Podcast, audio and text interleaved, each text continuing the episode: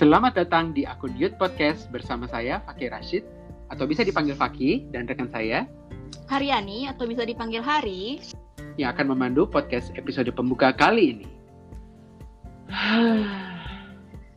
Waduh, kenapa nih Ki? Kok ngelah nafas banget?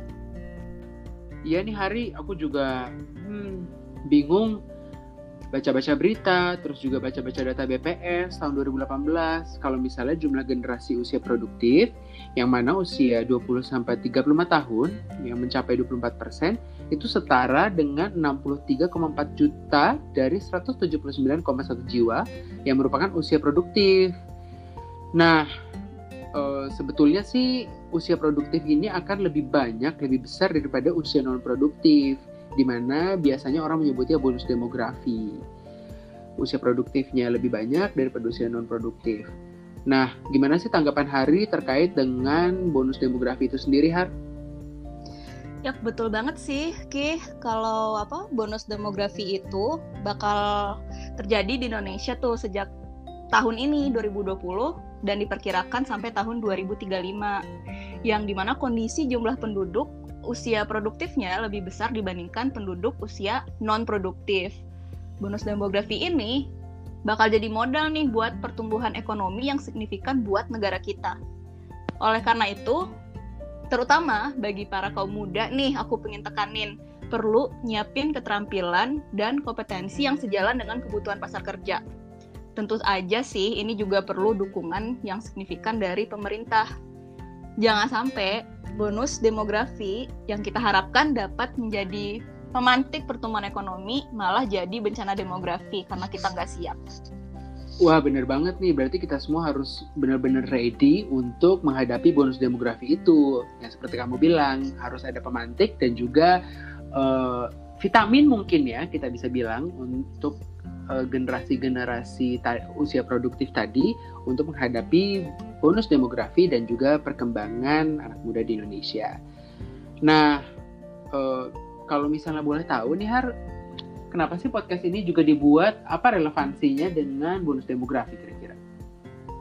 Nah sebenarnya Ki, tujuan podcast kita ini itu buat jadi media untuk sharing, tukar informasi, dan pikiran terkait isu-isu anak muda, terutama di Indonesia. Nah, yang kedua, podcast ini itu juga jadi wadah untuk berjejaring dengan rekan-rekan muda di Indonesia gitu. Gila, seru banget dong kalau misalnya kayak gitu bisa berbagi sama tukar informasi terkait dengan isu anak muda di Indonesia. Karena kan isu anak muda juga banyak ya Har, bukan cuma tadi uh, seperti ketenaga kerjaan, bisa juga ada isu gender, isu terkait dengan perubahan iklim, isu partisipasi anak muda pun, dan juga ruang untuk kepemimpinan. Nah itu pasti bakal ditunggu-tunggu banget nih. Tapi kalau misalnya uh, ada temanku nggak punya podcast, itu bisa lewat mana ya? Sebenarnya sih teman-teman tetap bisa akses buat ke podcast kita ini tanpa perlu punya akunnya. Nanti kita bakal share link podcast. Nah, nanti bisa didengerin tuh dari linknya yang di-share. Selain dari akun podcast, Nah, podcast kita ini juga bisa diakses dari channel-channel lainnya, kayak Spotify atau Google Podcast gitu. Ih, seru banget sih kalau misalnya memang kita bisa mendengarkan dan juga bahkan mendownload eh, podcast-podcast ini sehingga bisa kita dengerin berulang kali dan juga jadi inspirasi bagi kita semua sih.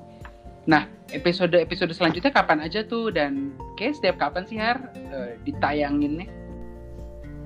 Nah, kita itu bakal update konten di podcast ini setiap satu atau dua minggu sekali. Pokoknya, we try our best to provide you with interesting contents.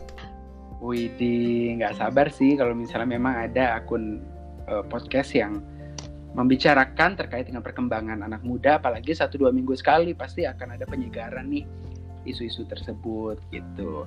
Ya udah kalau misalnya kayak gitu aku eh, nggak uh, sabar nunggu, pasti aku akan stay tune terus di akun podcast ini.